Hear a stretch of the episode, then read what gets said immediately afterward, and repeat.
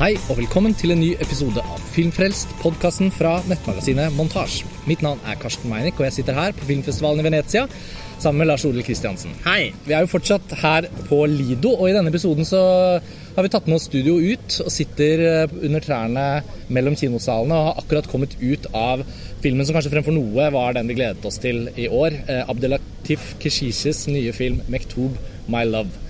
Eh, han lagde jo som kjent eh, 'Blå er den varmeste fargen' som sin forrige film. Han vant Gullpalmen i Cannes. og den sensasjonelle mottagelsen gjorde jo på en måte at Keshish umiddelbart ble skutt opp i de øvre liksom, sjikt av filmskapere, egentlig på verdensbasis, som man gleder seg til. Og denne nye filmen har man jo ventet litt på. Eh, den har tittelen 'Mektub My Love Canto Uno', kapittel 1. Så det kan jo bety at den faktisk får en film nummer to også. Men denne her, hvis det bare blir den, handler da altså om Amin, en ung mann fra Sør-Frankrike sånn i midten av 20-årene, som kommer fra, eller tidlig i 20-årene, som kommer fra en fransk-tunisisk familie eh, sør i Frankrike. Han er hjemme på sommerferie.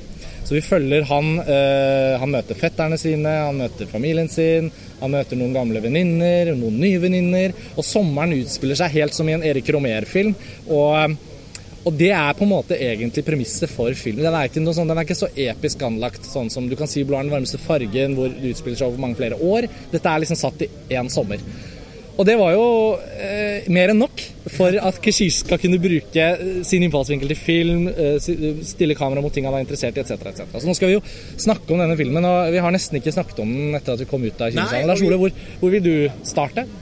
Jeg er jo egentlig litt sånn slått ut da, over hvor bra filmen var.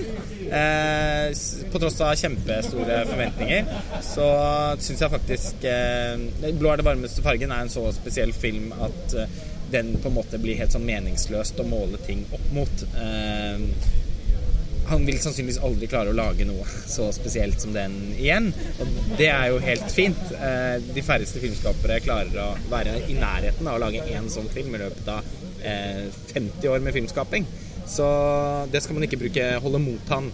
Og for oss som har sett flere Keshishe-filmer, så er det jo på en måte hans eh, tilnærming til film, hans eh, filmfilosofi, mm. som, som, gjør han så spennende som filmskaper, utover den spesifikke fortellingen og karakterene i 'Blå er den varmeste fargen'. Ja, for... Denne filmen her minner jo på mange måter mer om 'The Secret of the Grain', eller ja. 'Couscous', ja. som han nesten vant Gulløven for i 2008. I hvert fall ti år siden. Noe sånt? Ja. ja. Altså, det er mange historier altså, han, han, Den fikk jo veldig sånn brusende mottakelse i Venezia. Alle trodde hun skulle vinne Gulløven. Keshishi visstnok dritsur for å eh, bare få en Grand Prix eh, for den. Er utgitt på Criterion.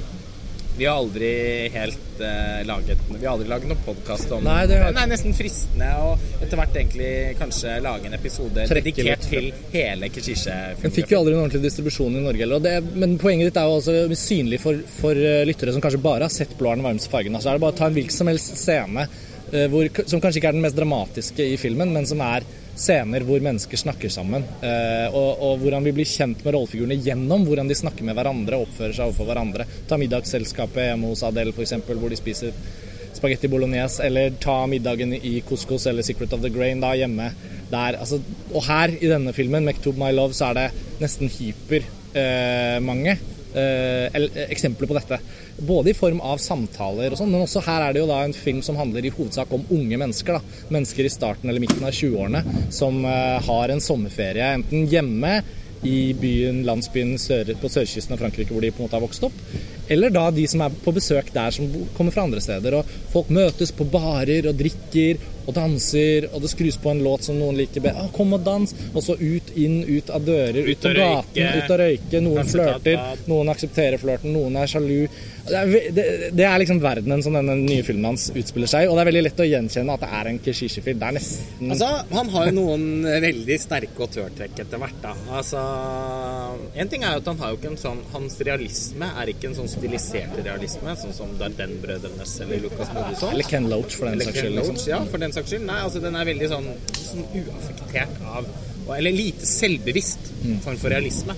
Han, det er som han bare liksom Han skal fange noe spesifikt, og det skal være eh, ekte. Mm. Eh, og det er det. Og hvordan gjør vi det best? Jo, nei, må lange tagninger.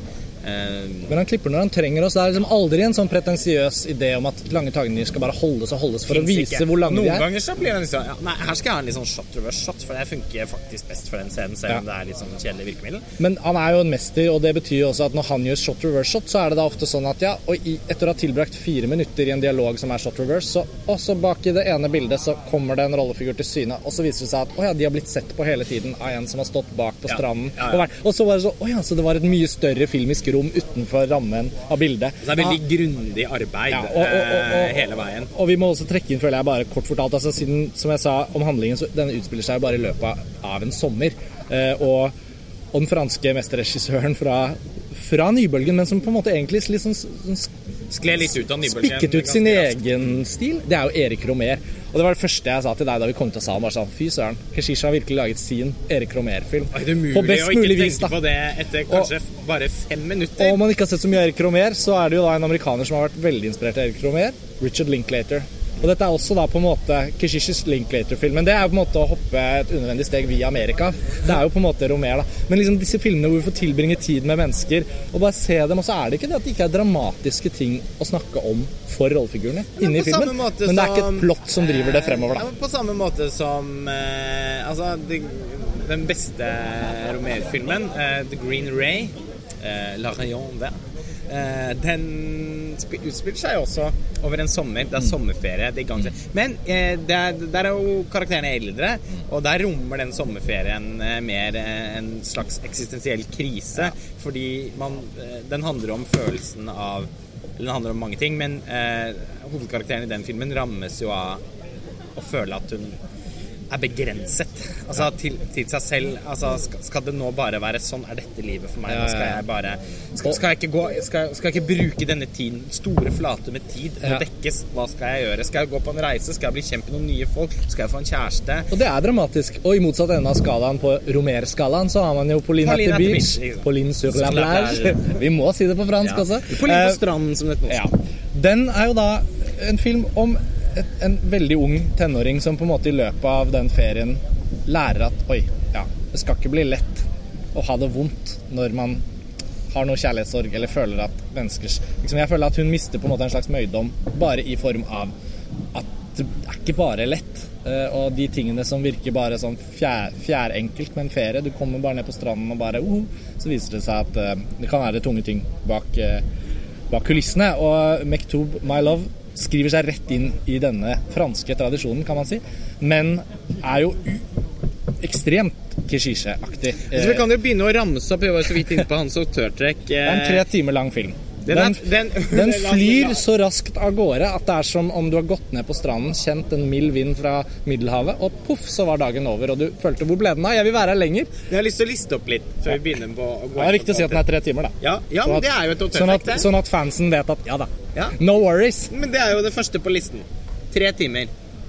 Bare 10-20 minutter lange scener. Det bidrar jo også til at filmen føles så kort. Fordi det er ikke, den er jo ikke fylt med masse Altså, det er ingen transportetapper. Ingen Det er akkurat som i eh, Og ikke noe eksposisjon. Nei, akkurat som i 'Bladen den varmeste fargen'. Den består jo også utelukkende av kjempelange scener. Og man kan si at liksom alle scenene er kjernescener i filmen. Fordi det er så, Hvis man skal bruke begreper innenfor narratologi, eh, så er liksom alle scenene kjernescener. For man kan ikke være foruten noen av dem. Samtidig så er også alle egentlig det man kaller for komplementærscener. Altså eh, scener som ikke er til for å drive handlingen framover, men bygge kjøtt på karakterene og, Ja, ja. Bygge, og skape atmosfære, kar karakterrelasjoner osv. Så, videre. så eh, Men ja, tre timer lang. Eh, bare lange scener. Lens flares. Bolognese. Kropp. Eh, Mest kvinnekropp. mest kvinnekropp, definitivt. Eh, dans. Lang dans til eh, Ja, denne gangen mye vidunderlig absolutt music. Eh, Ja, det må vi komme til. Det blir et eget kapittel av episoden, føler jeg, når vi skal ta Fordi den. den foregår i 1994. Han har jo selv eh, Nå fikk vi et glimt i den festivalkatalogen her, hvor det står eh, Hvor filmen beskrives som en nostalgisk film. Jeg tenker at det er litt misvisende, for det er veldig få tidsmarkører i filmen, bortsett fra noen innslag eh, veldig, veldig markante innslag av musikk som kommer først. eh, Og så en slutt. fortittel hvor det står 'August eh, 1994. Ja. Og det er jo i august franskmennene har ferie. Ja, jeg spår at det Altså, nostalgisk, ja, kanskje, men, men den føles ikke Den, har ingen sånne nostalgimarkører. Nei. Den føles personlig og eh, potensielt Altså sannsynligvis ganske biografisk for Keshish. Mm. Han er litt for gammel til å ha vært på alder med Amin i, i 1994. Mm. Det er et bra år å velge unna. seg. 1994 er på en måte Liksom før mobil- uråret. Altså før mobiltelefon. Ja, det er jo veldig viktig, ja. Det også er det vesentlig, da, for han er opptatt av folk som har samtale med hverandre. og Mm. Ikke tekstmeldinger. Ikke tekstmeldinger, ikke for mye internett. Mm. Altså, eh, så det er nok også på en måte en kunstnerisk eh, årsak til at den foregår i akkurat 1994. Mm. Eh, og fordi ikke sant, hadde det vært på 80-tallet, så hadde han hatt en sånn 80-tallsmarinade å forholde seg til, og det er sikkert ikke det han er interessert i. Eh, så, men, men det er veldig vanskelig å ikke tenke at Nå tenker jeg at han heter Mektob, men han heter Ja. jo Amin. Ja. Eh, det er veldig vanskelig å tenke at han ikke er Keshish. Han er fransk-tunisisk, han har noen likhetstrekk i utseendet. Han er aspirerende filmskaper, skriver manus, går på skole i Paris. Um, og jobber på familiens restaurant, på en måte. Og i hermetegn, familiens restaurant var jo på en måte tematikken i eh, Couscous, som vi snakket om i referanse stad. til den i filmen Ja. nesten med en gang. Utrolig morsomt. Om jeg så den uh, mopeden som skulle brukes til sånn eh, takeaway-utleveringer fra restauranten. Stor etikett på den uh, motorsykkel-hjelm-oppbevaringsboksen. Couscous. Uh, men filmen heter jo ikke Couscous for Keshish nødvendigvis. Nei da, da. den gjør men, men at rett- mat- ja. Matretten couscous derimot er jo et åttetallstrekk, eh, åpenbart. Men det er også viktig å plukke opp den tråden du var inne på i stad, i forhold til disse lange scenene, men også i forhold til at den, selv om den utspiller seg i, ba, bare i løpet av en sommer, så er den jo, føles den jo også litt sånn elliptisk fra scene til scene, fordi at eh, i denne vennekretsen da, og familiekretsen som hoved ikke hovedpersonen, vil jeg si, men hovedfiguren som ser på verden rundt seg, Amin, eh, Keshishes eh, alter ego. Eh, det utspiller seg noen ganske sånne enkle og utrolig eh, uoriginale, kan man si. Eh, Sjalusiplott. Hvem blir forelsket i hvem? Hvem ligger med hvem? Hvem gjør hva med hvem? Eh, som selvfølgelig ikke er dårlig uoriginal, det er bare det at det er veldig vanlig. Dette skjer i alle menneskers liv, dette er lett å forholde seg til. Men selve den derre dramatiseringen av det greiene der er da utelatt fra filmen. Så liksom fra scene til scene så har man liksom fulgt med litt på sånn ja men, ja, men det er ingen som vet at jeg Ja, men jeg liksom Det er bare du som vet dette. Og neste scene så ser vi at alle de andre der vet det, og det er liksom ikke Det er en scene som, det er en film som i, både med tanke på hva den handler om, og med tanke på den slags dramatikken som kunne ha vært der, så er det en film som kunne inneholdt ganske mange intriger.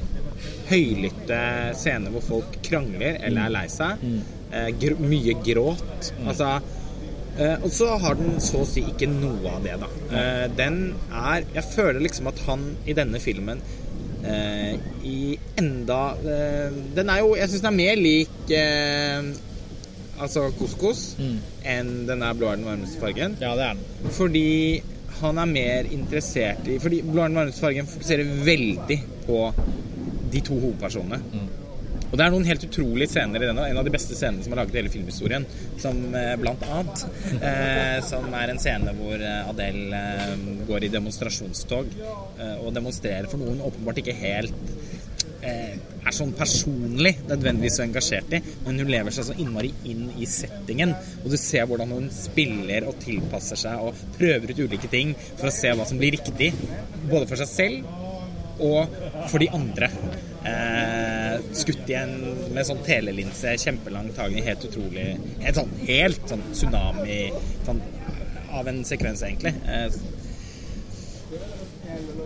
det er ganske mye av det i denne filmen. Fordi jeg føler at det han er interessert i å fortelle noe om, er et av de vanligste tingene som fins i verden for mennesker som omgås andre mennesker.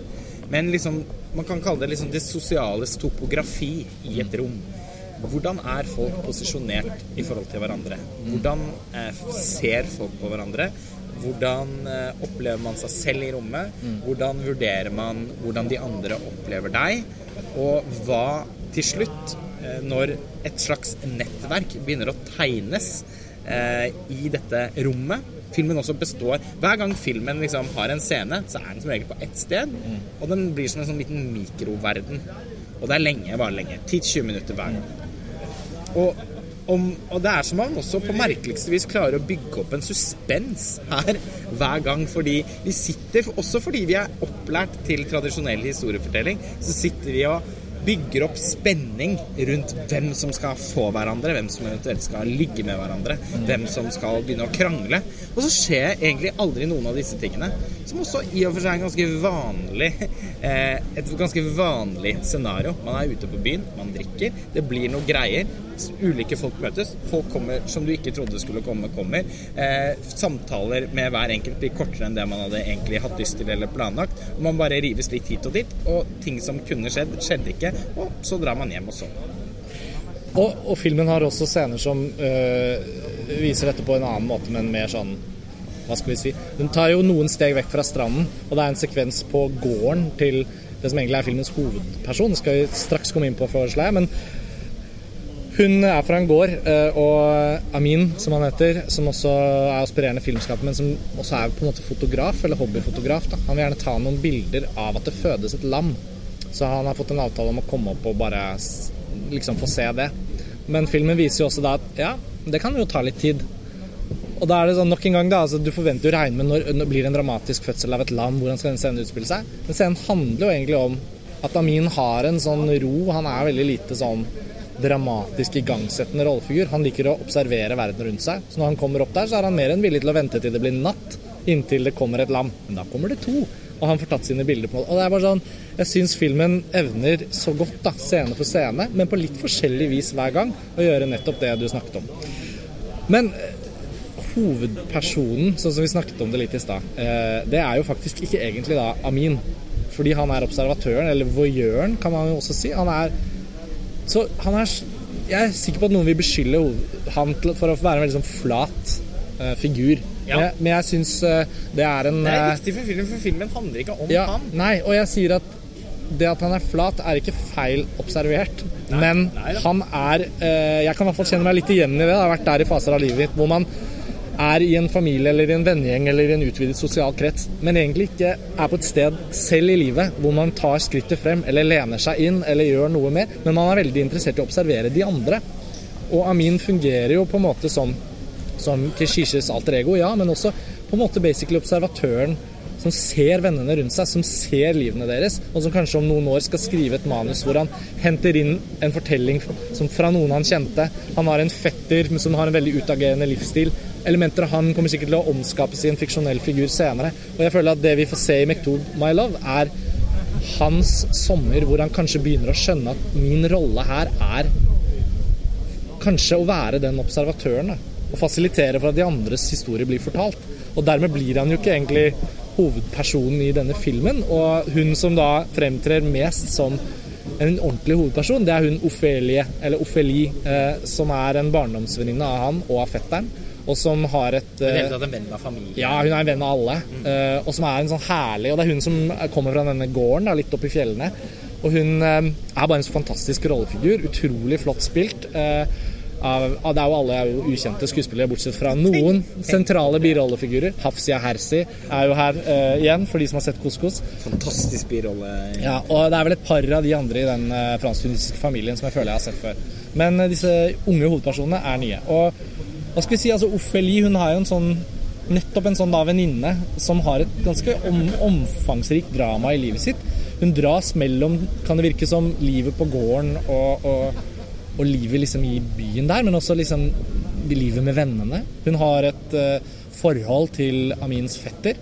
Hun, har, uh, hun, er forlovet med en som aldri dukker opp i filmen, men som er utstasjonert som i Luftforsvaret på Charles de Gaulle. Jobber i sånn overvåkingsfly som typ sånn droneflyver over eh, Midtøsten.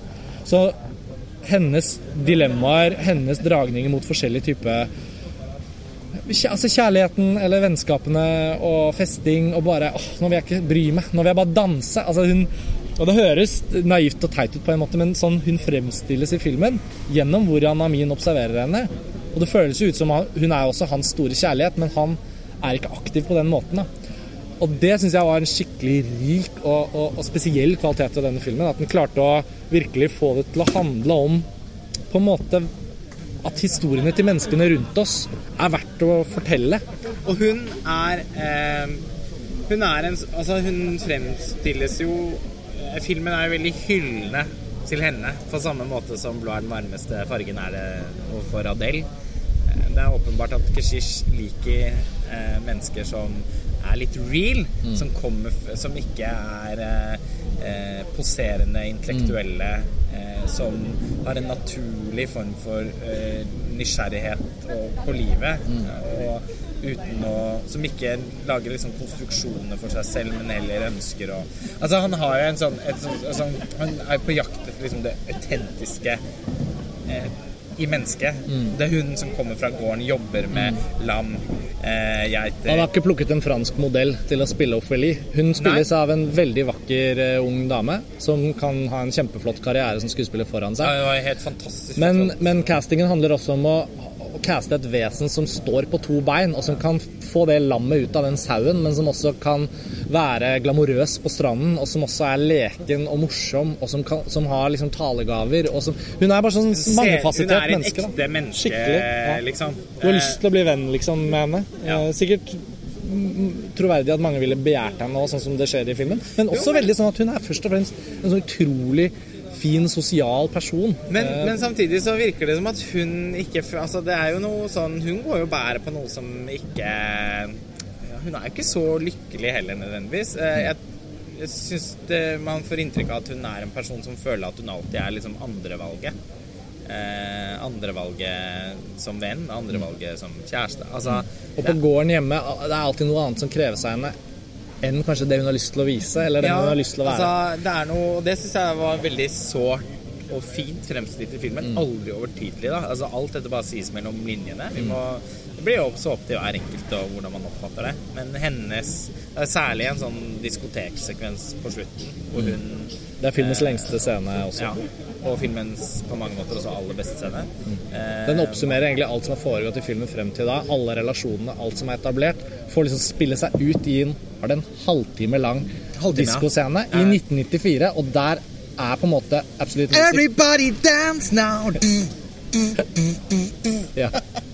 Calling Mr. Radar, calling Mr. Wrong And the scat man. Altså alle disse, da. Og det er som om de har satt på den kassetten som jeg hørte, hørte i stykker på midt, midt på 90-tallet. Ja, men det Vi kommer, skulle si vi kommer dit. Ja, eh, men altså Når de eh, Mektob og fetteren hans drar på stranden Amin, Amin, mener jeg. Og fetteren hans drar på stranden. Eh, blir kjent med to jenter fra NIS. Og det er litt sånn mer chic. De kommer fra NIS, og hun ene er danser. Og i løpet av filmen så skjønner vi også at han, han fatter Altså, Keshish er mer opptatt av henne enn hun andre. Eh, og så får hun andre et slags comeback. Det er veldig flott hvordan eh, noen av disse rollefigurene glir inn og ut av fokuset Ja, i filmen. helt- Sånn, «Å, nå er det henne litt, og så er det han. Men det er åpenbart at han også Og dette er selvfølgelig noe sånn Her er det noen sånne der, litt sånn klisjé Litt sånn tunge klisjeer, da, som, som, eh, som det er lett å knytte an til liksom både liksom det mannlige blikket og den mannlige kunstnerens forestillingsverden og sånn, men han er liksom ute etter det som er litt sånn ur med alle kvinnene han interesserer seg for å fremstille på film. Og eh, det er akkurat som han også oppdager noe mer sånn ekte med hun danseren, da, enn mange av de andre.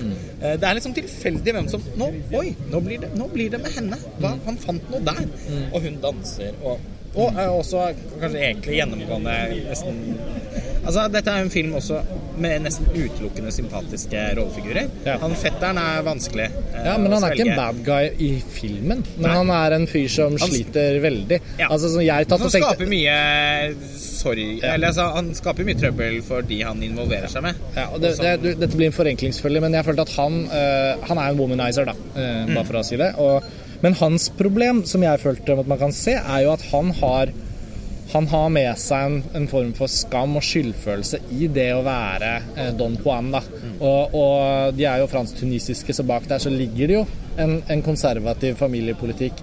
Det ligger noe med at liksom Ja, gutta kan få løpe løpsk noen år, men så må de hjem og stille opp for familien, og så må de giftes, og så må det Ikke sant? Sånn og sånn.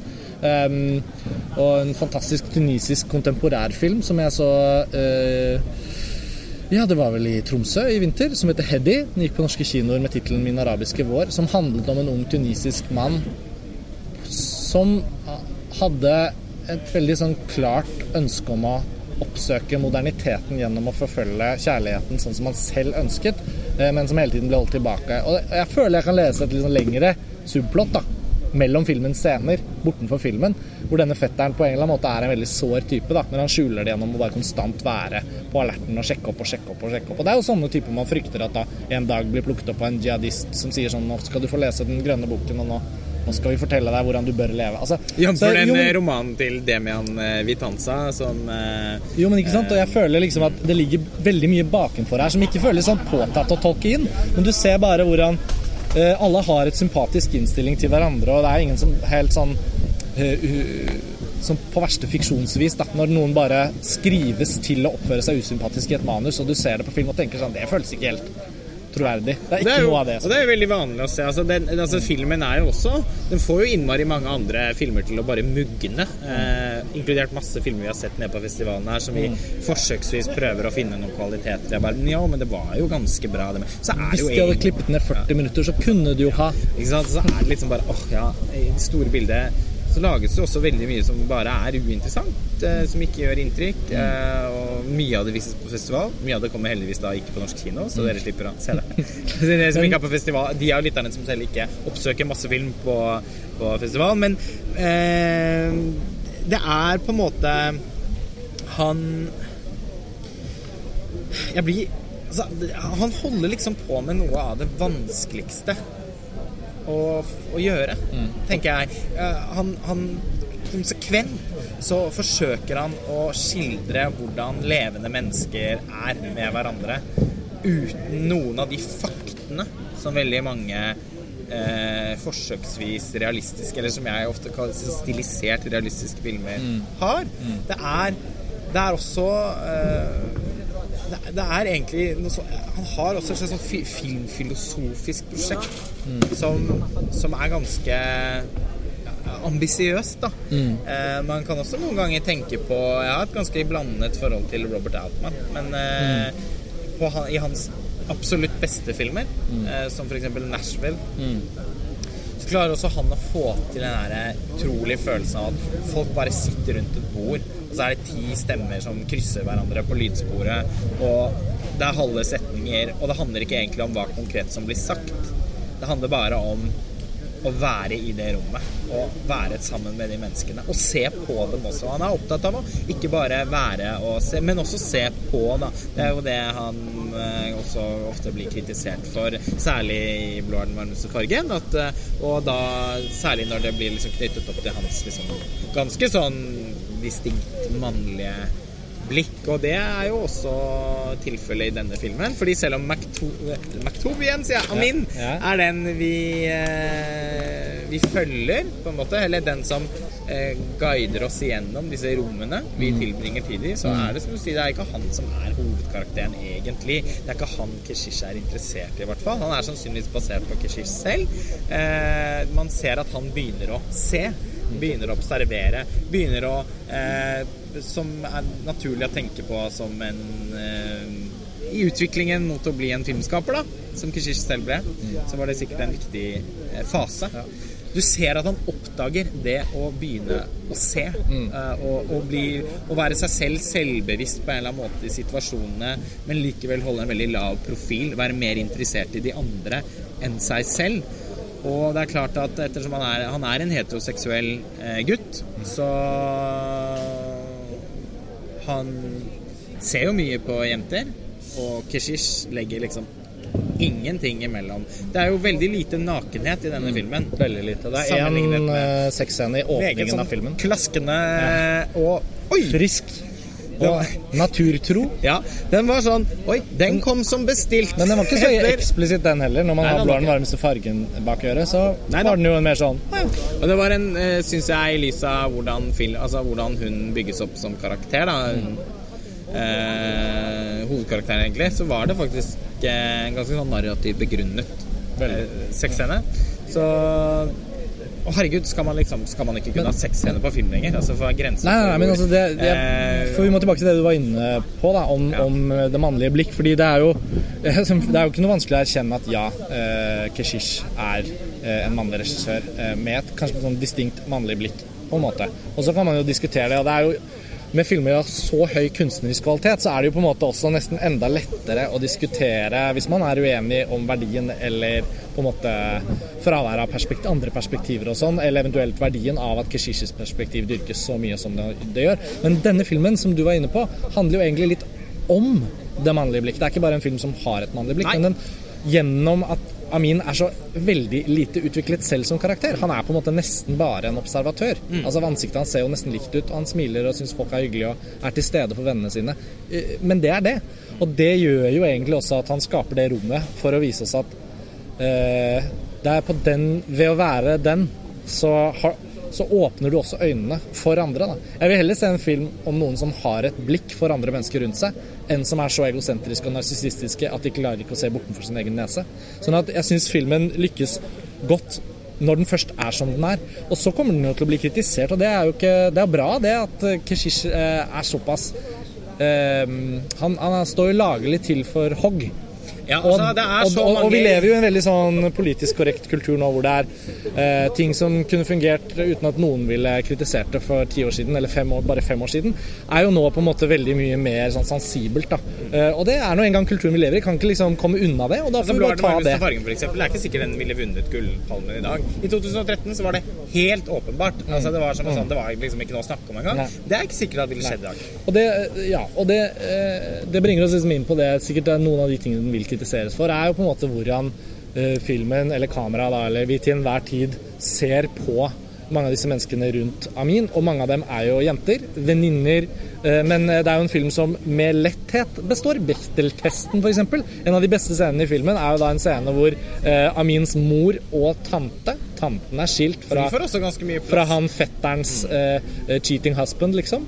Og eh, den unge tanten, spilt av Hafsia Hersi, som liksom, kommer inn i filmen sånn midtveis og bare er helt fantastisk. Og de tre sitter og gjør en sånn litt sånn analyse av hele dette bildet. Alle de andre snakker litt om disse guttene, og sine sønner, men også liksom disse andre jentene, og hva er det de holder på med? Så liksom sånn, hvis man skal huke av greier, som ikke egentlig er noe, et sånt prosjekt vi to holder på med, da. Men bare for å ta det med i denne samtalen rundt Maktub My Love, så føler jeg denne filmen kommer veldig sterkt ut av å ha en kritisk diskusjon om. For jeg tror at hvis noen skal begynne å angripe den, så kjenner jeg at filmen selv har så mange rike elementer i seg at da blir det sånn Ja, det danses i 30 minutter i en eneste lang klubbscene. Ja, det er eh, liksom mye sånn shake your booty og, og Det er rimelig mange ristende Ja. rumper Ja, inn i kameraet i denne men- filmen. ja, som jeg men også det- det- skjønner at eh, noen Ja. Altså at ganske mange sikkert Det ville vært utrolig rart hvis ikke det Det reaksjoner. er helt unaturlig å ikke kommentere det. Uh, altså, det det- er, allerede på Twitter etter ettervisning så er det noen som har kommet med en lol da, som er sånn uh, Keshisha likes big butt, but he cannot lie. Altså, og, det, og det var sånn Ja, det er ganske sant og ganske morsomt, men det morsomme det syns jeg jo, men, sånn- vent, vent, vent, jeg vil si det, det På klubbscenen så er det jo disse bildene av folk som danser. Og det er det sånn, noen vinklinger nedenfra, og det er sånn sånn Men etter hvert som minuttene går, så er vi jo også på danseklubben med disse eh, ja, kvinnelige rollefigurene som vi har blitt så godt kjent med, og som nesten føles som de sentrale figurene i filmen. Vi er der med dem. De er ute og liksom har det gøy. De drikker, de danser. Og til slutt så blir det jo også sånn at man får se de forskjellige elementene eh, altså filmet og klippet sammen til forskjellige låter. Altså DJ-en rekker jo å gå gjennom seks-syv sanger i løpet av den sekvensen. Kanskje mer. Men da til slutt så blir det jo også noe med at den selviscenesettelsen er også viktig å fortelle om, da. Ja, Det ja. samspillet mellom jentene og hele den Og de blir sett på av kamera helt utrolig eksplisitt og i noen sånn undervinklede innstillinger også, sånn, Ja. som man på en måte gjerne kunne spart seg, men Altså, som det betyr- samtidig jeg- fanger jeg mener ikke at noe han måten ikke- de blir sett Nei! Han kunne altså- redusert det, men jeg bare føler at jo, men- filmen byr på så mye selv. Ja, pluss at han fanger hvordan de blir sett på, og også ønsker å bli sett på i den eh, settingen. Ja. Og alle som har vært a late night out på et sånt type diskotek i Sør-Europa eh, i sitt liv, vet jo også at dette er en ganske Altså en veldig autentisk eh, skildring. Og, eh, og pluss at han har ikke noe sånn retusjert motemagasinaktig forhold til kropp. Jeg syns jo det, Det er jævlig mye farligere Ja, ja. enn hva Jeg skjønner ikke helt hva som er så skummelt med det han holder på med. Fordi det er eh, virkelig kropper av kjøtt og blod, og de danser til musikk, og de er kåte på hverandre. Mm. De danser og, og, vi de, følger og en mann, Altså, det er alle og- mulige og- og vi- vaske. Det er ikke veltrente. Eh, Og det er ikke perfekt dansing. Det er ikke sånn en Beyoncé-video, liksom. Det sånn, det er de vanlige menneskene som elsker den samme Og musikken, er- og som tar tak i den der strippestangen og bare ah, 'Lol, nå skal jeg prøve meg en runde'. Ikke alle gjør det like vellykket. Og så er det litt morsomt, så tar vi noen flere shots, og så fortsetter Og så kunne selvfølgelig filmen viet en del av den plassen også til noen menn, som man også kunne kikket på. Mm. Men Maktub eh, sier jeg igjen. Amin. Ja, Det er helt utrolig. Jeg er liksom Ja, Men filmen heter Mektub My Love. Jeg trodde lenge at det var det han het. jeg. Og så plutselig sa jeg faen, de kaller han Amin. Ja, ja, ja. Så vi får, vi får finne ut senere hva, hva som menes med tittelen. På et eller annet tidspunkt så heter det selvfølgelig Maktoub is Maktoub. Er liksom, Ja. Så vi har jo gått rundt og Maktoub, Maktoub, Maktoub Ja. i eh, Ja. halvannet år nå. Eh, så det er litt eh, en omstilling. Men altså, jo, men det Men det er litt sånn som Margaret. Det er ingen i den filmen som heter Margaret. Nei. Så vi kan bruke det som en slags rettesnor. Nå passerer det noen helikoptre over her. Men ja, Men altså eh, vi, Mm. vi det er liksom, Ja, han kunne godt balansert liksom eh, Eller kunne mm, men, men samtidig, det vil jo Altså, det er jo Amin, Ja. så Mekamin, Ja. eh, som dikterer filmens Blikk. fokus. Mm. Og han er i en situasjon hvor han ikke helt vet hvilken jente det er, det er han eventuelt skal velge å få mer kontakt med. Fetterne prøver å dytte disse spanske og russiske turistene på han. Og det er eh, tanten som spøkefullt sier litt tidligere i filmen Ja, du var jo sykt forelsket i meg da du var liten. Ha-ha. Alle var det, forresten. Ja. og så er det jo Ophelie, og så er det hun eh, danserinnen, eh, og, og så er det hun andre. Ja, det er, så liksom så, det er mange, og det høres jo rart ut når man oppsummerer det på den måten, men Amin er jo da også han som aldri han nekter å bli dratt ut på gulvet for å danse. Han, han syns ikke det er noe gøy. Han vil ikke stå der ute, for han er en litt sjenert fyr. Jeg tror han ser på eh, liksom tar en av, har en sånn Han tar jo også avstand fra sin fetters eh, levemåte. Så eh, og, og det blir ikke altså sånn, Han tviholder ved det i løpet av filmen, men han ser. Og han eh, Og vi følger med han i den, liksom. Så Og denne diskoteksekvensen er jo bare helt utrolig. Jeg har aldri sett maken. Eh, og gudene skal vite at jeg er glad i diskoteksekvenser på film. Men enn hvor mange fete strobelys vi har sett i Spring Breakers eller Ja. Tilsvarende. Dette her er for Altså, dette er for real. Altså, det er en halvtime med altså, sinnssykt imponerende fotografert. Altså, alle, det er ikke en, et glød fra en sigarett eh, eller en liksom en dans av, av, av sigarettrøyk som ikke blir fanget. Samtidig som ingenting er sånn estetisert. Så han, han klarer liksom med sin sånn veldig renskårne stil å gjøre og skildre det veldig sånn levende og vakkert uten å estetisere. Det, Og sam, halve samtaler mellom folk ut, Folk som begynner å snakke om det samme igjen og igjen og igjen. Av, samtaler som aldri blir helt avsluttet, eller eventuelt heller aldri helt påbegynt. Og det utrolige er at han også klarer i løpet av denne halvtimeslange diskoklubbsekvensen å gradvis la rollefigurene fremstå bitte litt mer beruset for hvert tidsklipp. Uten sånn overdrivelse, men mot slutten der så prøver de seg på noe mer dansing, og så er det bare faller i fisk, for nå er de blitt for fulle. Eh, og det er ganske treffende. Og da skjønner man at nå er den kanskje slutt snart. Nei, ikke helt. Nå er den, nå er den vel Nei, ikke helt. Og så kommer en Absolute Music 17-hit til. Ja, ja. Eller nei, eh, Tolv. Absolutt, ja. Absolute Music 9, ja. Ja. Den er stor. 8, 9, 12. Det var mine favoritter. 9 er stor. Um, vi, vi må begynne å liksom oppsummere. Vi skal videre her i festivalløypa. Um, noen avsluttende ord, skal man si. Altså, den, uh, for meg var den helt på nivå med uh, Couscous, altså The Secret of the Grain. Uh, jeg ville egentlig ikke skilt nødvendigvis mellom de to filmene. For de er fantastiske på hver sin Ja. måte. Ja. De er ganske, ganske- forskjellige i hva de handler om, Ja, men formmessig veldig like. Veldig like. Også- Og denne, man kan si til denne filmen altså, Man kan si at uh, Secret of the Grain kanskje i sum er hakket mer gripende.